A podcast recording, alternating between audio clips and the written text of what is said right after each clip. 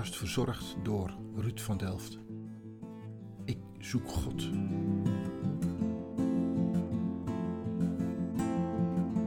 Ehm, nou, Kees, ik mag eh, Kees zeggen, begrijp ik. Ruud, dat weet je. We hebben elkaar ontmoet al op een camping, uh, wat is het, 15 jaar geleden in Tsjechië. Dat er een, eh, bijvoorbeeld, je moet je realiseren, een oerknal. Dat er dus een discreet begin is geweest. Dat was eerst. Ik heb ooit een uh, boek geschreven, Geleerd en Gelovig, uh, 13, 14, 15 jaar terug of zo. Je hoort hier de stem van Kees Dekker. Of, netter gezegd, Cornelis Dekker. Hoogleraar biofysica aan de Technische Universiteit Delft. Zijn vakgebied is de moleculaire biofysica, waarbij hij zich beweegt op het grensvlak van de natuurkunde en de biologie. Waarbij hij gebruik maakt van de zogeheten nanotechnologie. Een techniek om aan enkele atomen en moleculen te kunnen meten. Dekker heeft fundamentele ontdekkingen gedaan op het gebied van koolstof en nanobuisjes. Mede vanwege deze werkzaamheden is hij al jaren de meest geciteerde fysicus in Nederland. Tot zover Wikipedia. Luister naar mijn interview wat ik met hem had over wetenschap, geloof en hoop. Dus nou las ik in het Nederlands Dagblad uh, dat het wel weer eens tijd wordt om in het uh, Nederland, uh, een Nederlander het, de Nobelprijs toe te kennen. En ik moet je eerlijk bekennen dat ik betrap je vaker op dat dat nog wel eens gekoppeld wordt aan jouw naam. Ja, weet je, dat zijn de volkskans fantasieën. Ik acht de kans heel klein. Er was, een, er was een moment dat er een kansje was dat ik ja. de Nobelprijs zou winnen. Maar die kans is wel weer verlopen. En dat geldt denk ik nu ook voor Heino Valken, een fantastische ja, wetenschapper. Maar, maar ben je daar bang voor of niet? Bang voor? Nee, dat zou natuurlijk een enorme eer zijn. Is dat, want, maar ik ben er niet erg mee bezig. Maar het zou een enorme eer zijn. Het zou alleen maar prachtig zijn. Ja. Het zou alleen maar prachtig zijn. Wat, ja. Dus al erkenning van het uh, jarenlange werk. Als je een sporter bent, dan is het toch mooi om de Olympische Spelen te lopen en op een gegeven moment goud te winnen. Dat is prachtig. Ja, voelt dat ook zo? Ja, zo voelt dat wel. Maar weet je, ik probeer heel goed werk te doen. Gewoon relevant werk te doen. Ik ben een wetenschapper, ik onderzoek uh, de natuur. En ik, ik ben totaal gefascineerd door mijn vak. Ik werk met jonge mensen en ik ben in het lab bezig. En ik kan elke keer hele nieuwe vergezichten uh, ontdekken, om, omdat mijn wetenschap dat laat zien. En dat vind ik, daar kan ik echt ontzettend van genieten. En ik probeer daar relevante uh, dingen te doen, uh, nieuwe velden te openen en zo. En als dat dan ook nog eens uh, beloond zou worden met een prijs of erkend zou worden, nou, dat is een stuk erkenning. Ik heb ook een aantal wetenschappelijke prijzen, gewoon niet Nobelprijs voor, maar dat is gewoon leuk als gewoon anderen dat, ja, daar een prijs aan verbinden. Geeft dat ook druk? Nee, nee. Ik probeer gewoon relevant, ja, het is gewoon een extra eer, gewoon een verrassing waarbij je nou, een prijs krijgt, dat is leuk. Ja, ja.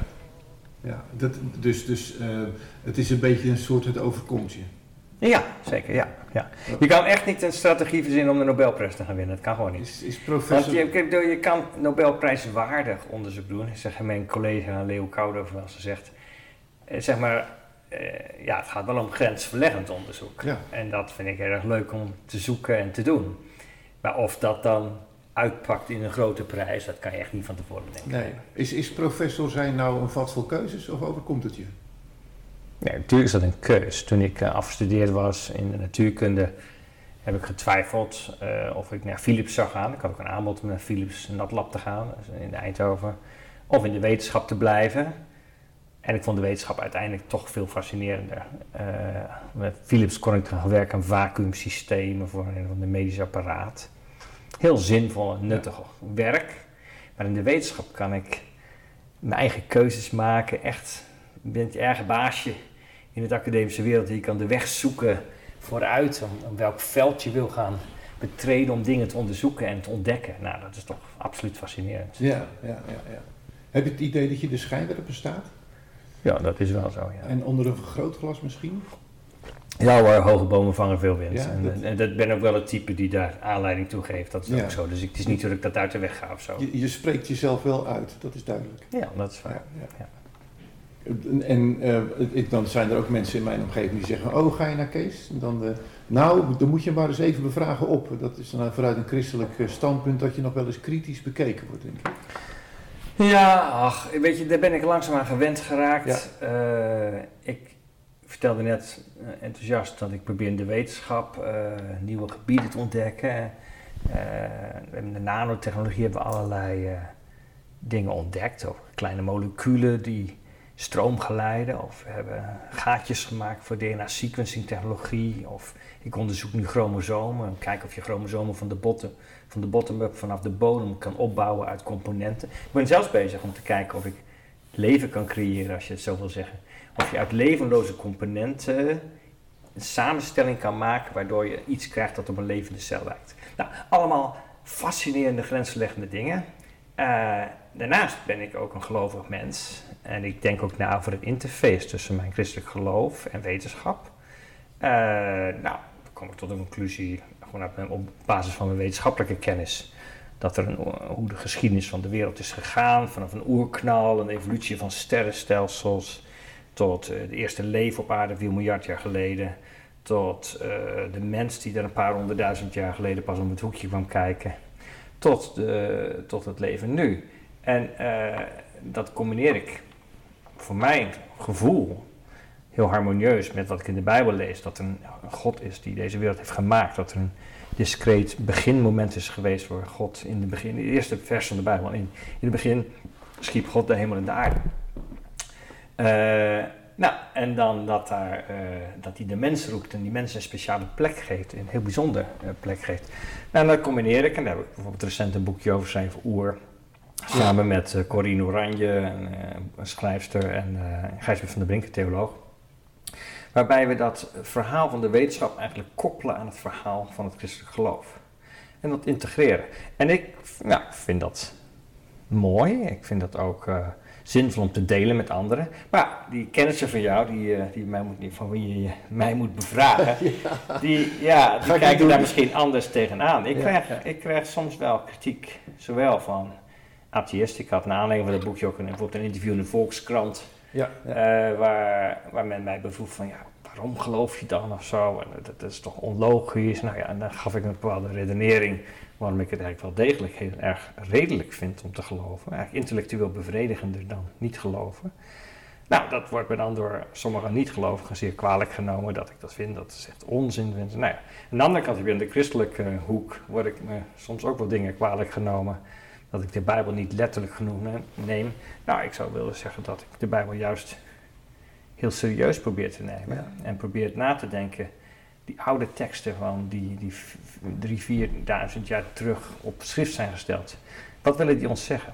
Ik geloof dat de Bijbel het woord is van God. Als je zo'n woord zegt, dan moet je daar gelijk over nadenken. Wat betekent dat? Ja, dat betekent dat dat woorden zijn die voor mij geïnspireerd zijn door God. Waarbij God als het ware een, een boodschap mee wil geven door die Bijbelverhalen heen. Maar ja, God is God. Weet je? Ik God is niet eh, een mens anno 2020. God is God en die heeft zich als het ware, die heeft gecommuniceerd met mensen drie, vierduizend jaar geleden in de vorm van verhalen en inzichten en dergelijke. En dat is daar in die cultuur op schrift gesteld. En daar is een boodschap in meegekomen die ik probeer daaraan te uh, onttrekken. Die probeer te lezen wat de bedoeling is van die verhalen. Dus als ik het scheppingsverhaal lees, dan lees ik het verhaal van die zeven dagen. En ik lees het verhaal van een tuin. En uit die verhalen probeer ik de concepten te halen. En er zit ontzettend veel in die, die scheppingsverhalen in. Er zit al in bijvoorbeeld uh, het feit dat God de enige monotheïstische God is. De enige almachtige God die alles in zijn hand heeft. Anders dan bijvoorbeeld bij de, de, de volken daaromheen die meer goden hadden en die strijd voerden onderling en zo. Uh, er zit in dat de mens een speciale plek heeft. Dat de, dat de wereld een bedoeling heeft. Dat de mens geneigd is foute keuzes te maken. Dat er een belofte is van redding. Nou, al die dingen vind ik enorm belangrijk uit die Genesis-verhalen.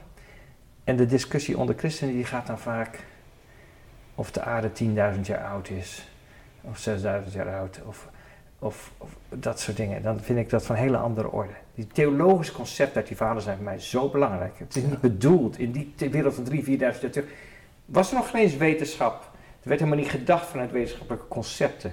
Dus het is daar niet gecommuniceerd wat wij moeten weten over DNA-biochemie of over sterrenstelsels, evolutie of zo. En tegelijkertijd voel jij je zeg maar meer bevestigd door met een wetenschappelijk oog er ook naar te kijken en daarmee te zien van ja, dat klopt. Ja, zeker. Ik vind dat er heel mooi in elkaar past eigenlijk, ja. Ja. Dat er een, eh, bijvoorbeeld, je moet je realiseren, een oerknal. Dat er dus een discreet begin is geweest. Er was eerst niks en toen was er een moment waar, ja, wat we bes- beschrijven met het woord oerknal. Waarbij er zo'n singulariteit was waar ruimte, tijd, eh, allemaal starten. 13 miljard jaar geleden, ik kan me het niet meer voorstellen. hè? 13.000 miljoen jaar geleden. Zo lang geleden is daar iets gebeurd. 13,8 om precies te zijn. eh, wat een begin was. Toen dat, zeg maar, 100 jaar geleden werd dat ontdekt. Zeg maar 120, 150 jaar geleden. Wat dachten astronomen toen over de wereld? Nou, als je om je heen kijkt, net als Aristoteles trouwens of zo. Het heelal is oneindig. Dat bestaat gewoon oneindig. En oneindig lang, is nooit een begin geweest of zo. Ontdekte gewoon uit Einsteins relativiteitstheorie, de consequentie was eigenlijk dat er een begin kon zijn. En dat er dan bepaalde observaties zouden zijn. Bijvoorbeeld dat de sterrenstelsels uit elkaar gaan. Dat heeft Hubble ontdekt. Dus een, een, eeuw geleden is dat eigenlijk ontdekt. En dat past eigenlijk heel goed bij, sterker, bij dat beginpunt van de schepping. Sterker nog, toen dat ontdekt werd, waren er een aantal atheïstische astronomen die echt helemaal geen zin hadden in dit verhaal. Nee, die voelde Omdat ze al aan het water voelden Ja. dat dit, ze- zeiden sommige mensen, ook Arthur Ed- Eddington of zo, van ja, ja dit, dit smaakt naar dat christelijk-joodse scheppingsverhaal. Dit, dit, dit kan niet kloppen. Ja. Maar ja, metingen, metingen, metingen. En het blijkt gewoon toch zo gegaan te zijn met een, met een oerknal. Dus ik, dat soort elementen. En ook het feit van, de fine-tuning van de universe. Die oerknal zegt werd, er waren natuurwetten. Die zijn er nu nog, natuurwetten. Die werden toen al vastgelegd op de eerste momenten na het oerknal. Waar de manier waarop de, de, de, de, de wereld uiteenduidde. Duidde. Als dat iets te snel was geweest, als alles veel te leeg geweest, hadden wij hier niet gezeten. Nee, Als dat te langzaam was geweest, was de boel weer in elkaar geklapt. Het is heel precies afgesteld op leven miljarden jaren later. Ik zie daar de, de, de voorzienigheid van God in. Was it all a ghost? Was it all a miracle? Van als we later in de hemel komen, we kunnen- zijn we bij Jezus, dan zitten we aan tafel. Dan zitten we met deze club aan tafel met Jezus. En dan kunnen wij vertellen. En dan vertel je, eh, Peter is een psycholoog. Die vertelt wat ik heb ontdekt in de psyche. Dat was zo mooi. Kijk dit en dat en zo werkt dat. En dan zit naast hem een astronoom die zegt, ik heb die sterrenstelsels ontmoet. Wij kunnen allemaal vanuit ons vakgebied iets, iets leren. En dat raakt ons en dat, dat brengt ons tot, mij, in ieder geval mij als gelovig wetenschapper brengt het me tot verwondering. Ik word gedreven vanuit de verwondering. En dat brengt me tot aanbidding. Maar het betekent dat, ehm, dat wat je hier op aarde meemaakt, dat dat bepalend is voor wat je straks in de hemel bent? Dat geloof ik wel, ja. ja. Ik bedoel, de- de- Beschrijf dat. Nou, de- ik weet natuurlijk niet hoe de hemel zal zijn, echt, daar heb ik geen voorstelling van. Ik, eh, ik geloof in, ik heb een soort keten van logica. Ik geloof in God. Ik geloof in God omdat ik dat eigenlijk beter vind passen bij alles wat ik weet over de wereld. En er zijn natuurlijk zoveel godsdiensten. Eh, ik ben uitgekomen in een zoektocht daar, in een redenering, in een zoektocht bij Jezus. En eigenlijk die grote monotheïstische godsdiensten, die draaien allemaal om Jezus. Wie was nou die Jezus Christus, van- Jezus van Nazareth? Maar was je dan eerder gelovig of was je eerder wetenschapper? ik ben mens. Ik ben mens en ik verwonder mij. En ik ben daardoor wetenschapper en ik wil weten hoe de dingen in elkaar zitten. Dat Ja. zit heel erg diep in mij. Maar ik ben ook een mens die op dezelfde manier in het leven staat en nadenkt over de wereld te duiden. Ik wil de wereld duiden. En ik zit in deze verwarmde, bonte werkelijkheid. En ik kom van allerlei dingen tegen. En ik wil daar duiding aan geven. Maar om jij een vraag terug te gaan. Ik, het, ik geloof in God. Ik kom bij Jezus terecht. Ik ben op basis van wat Jezus zegt en doet eigenlijk christen. En ik vind dat heel bijzonder. Ik geloof dat hij uiteindelijk is wie hij zegt dat hij is. Wie we zeggen dat hij is de zoon van God. Dat is een rare term. Een soort expressie van God. Hij is een soort ja, uitdrukkingsvorm van God in de vorm van een mens. En omdat Jezus iets zegt over hemel, geloof ik in de hemel. En omdat Jezus zegt van, nou, na je dood zal er een, een, een wereld zijn, een, een huis waar veel kamers zijn, waar mijn vader veel kamers heeft klaargemaakt voor de mensen hier. Eh, en als je mij navolgt, dan zal ik je eeuwig leven geven. En daar is een hele wereld na de dood. En als meest concrete, fysieke ding is Jezus zelf dood gegaan. En weer levend geworden. Kan helemaal niet. Dat kan echt niet. Na drie maanden, na drie dagen Ja. gaat gewoon je lichaam helemaal allerlei processen gaan. Maar dat is toch gebeurd. En als wetenschapper zeg ik uiteindelijk altijd, de natuur, de werkelijkheid heeft het laatste woord. Of ik het nou wel of niet met mijn natuurwetten kan beschrijven. Ik zal toch rekening, rekenschap moeten geven van hoe die werkelijkheid zich aan mij voordoet. En op basis van de historische verhalen denk ik dat die opstanding ja, eh, betrouwbaar is. En op basis daarvan, dat geeft me ook hoop dat er inderdaad een leven kan zijn na deze dood. Ja.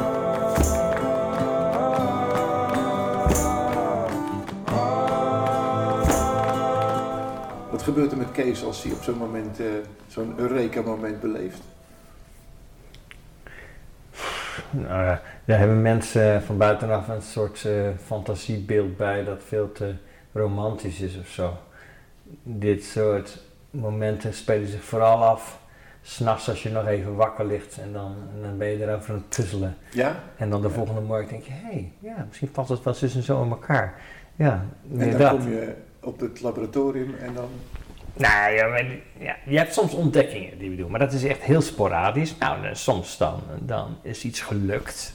We hadden twee jaar terug hadden we een doorbraak met ons onderzoek aan eh, eh, een bepaald moleculair eiwit dat lusjes maakt in DNA. Dat klinkt Ja, misschien voor ja. de luisteraar een beetje specifiek technisch, maar je moet je voorstellen dat onze chromosomen, dat is dus in elk van jouw cellen zit een, in, in één cel, je hebt triljoenen cellen heb je in je lichaam, daar ben je het opgebouwd, maar één cel, dus dat is maar nou ja, een, een, een honderdste van een millimeter groot. In één zo'n cel zit 2 meter DNA. Dus jouw human genome, jouw genoom, dat is 3 miljard eh, letters. 2 meter DNA, helemaal opgekruld, opgerold in één zo'n celletje van een honderdste millimeter. En dat Ja. vertelt al wie ik ben. Nee, jij bent dus, dus wie jij bent. Dat is Oké. het samenstel van al die cellen en al die moleculen bij elkaar. Eh, dat heeft met jou heel veel te maken. Want als jouw hersenstructuur iets anders wordt, dan word je toch anders. Ja. Maar even over, die, over de DNA. Ja. Dus wij hebben ontdekt, nou dat DNA is dus op een hele slimme manier in elkaar gepakt. Met allemaal lusjes. En wij hebben ontdekt dat een van die motortjes, hoe dat werkt. Nou, het was echt een ontdekking. En dan heet eerst een filmpje, en dat was heel cool, en was iedereen enthousiast. En toen hebben we gewoon een paar maanden lang alle weekenden doorgewerkt. Dat En filmpje heb je papers. volgens mij gepubliceerd. Ja, dat heb ik ja, zien komen. NOS-journaal is het Ja. ook geweest. Ja, ja. Maar die hoop is zeker. Ik bedoel, dus bijvoorbeeld als je het hebt over corona. eh, de hoop is natuurlijk dat wetenschappers, die werken er ook heel, heel, heel hard aan. Ja. Een vaccin kunnen maken, een medicijn kunnen maken. Eh, de hoop is dat we iets aan kanker kunnen doen waar zoveel mensen aan doodgaan enzovoort. De hoop is dat we met klimaat toch via wetenschappelijke methoden misschien eh, de broeikasgassen afvangen of nou ja, allerlei van dat Ja. soort projecten. Dat is natuurlijk wel hoop, dat snap ik ja. Wat dat betreft is de wetenschap een eh, ideaal middel om daar eh, al dat soort antwoorden te zoeken en te vinden. Ja, maar het is ook naïef om te denken dat het. eh, om alleen maar een soort voorstel te nemen op de toekomst van de wetenschap zal het wel oplossen. We hebben ook een verantwoordelijkheid op basis van de huidige kennis natuurlijk goede keuzes te maken. En eh, ik- vind het ook een heel bijzonder punt van christelijk geloof. Het is niet alleen maar dat je in soort dogma's gelooft van je gelooft dat God is, dat Jezus iets heeft gedaan, dit en dat. Het, het biedt een enorm nieuw perspectief. Een groot verhaal. Het verhaal eindigt niet met de dood, you only live once of zo. Het is, het, het is een, het is een eeuwigheidsperspectief. Het is een enorm ander perspectief dan als je niet gelooft. Dus het is niet eindig. Het is niet zo dat als ik dood ben, is het weg en dan was het dan. En dan ben ik dat stofje geweest in de geschiedenis. Nee, mijn leven past in een groot verhaal. Want er is een God, die zich, het is ongelooflijk, maar die zich bekommert om jou en om mij. En die ons, waar ons uitnodigt tot een eeuwig leven. Ja, dat vind ik een heel bijzonder perspectief. In een, in een gebroken wereld verlangen naar een nieuwe wereld is ook weer morgen opstaan als het ware, ondanks de gebrokenheid. Ja. Het verlangen naar toch, voor Ja. mij is het voor mij de reden om morgen in de gebrokenheid op te staan en net dat kleine stapje te doen waarvan ik verantwoordelijk ben om die te kunnen nemen. Ja. Zeg ik dat zo goed? Ja, daar kan ik wel in meevoelen, ja. Ja. Kees, dankjewel. Ik vond het echt heerlijk. Jij gaat je natuurlijk afvragen hoe gaat hij hier soep van maken? Dat is mijn probleem. Maar Goed ik wil in ieder geval danken voor, eh Dankjewel, voor Ruud. gesprek. Mooi gesprek. Succes met je podcast.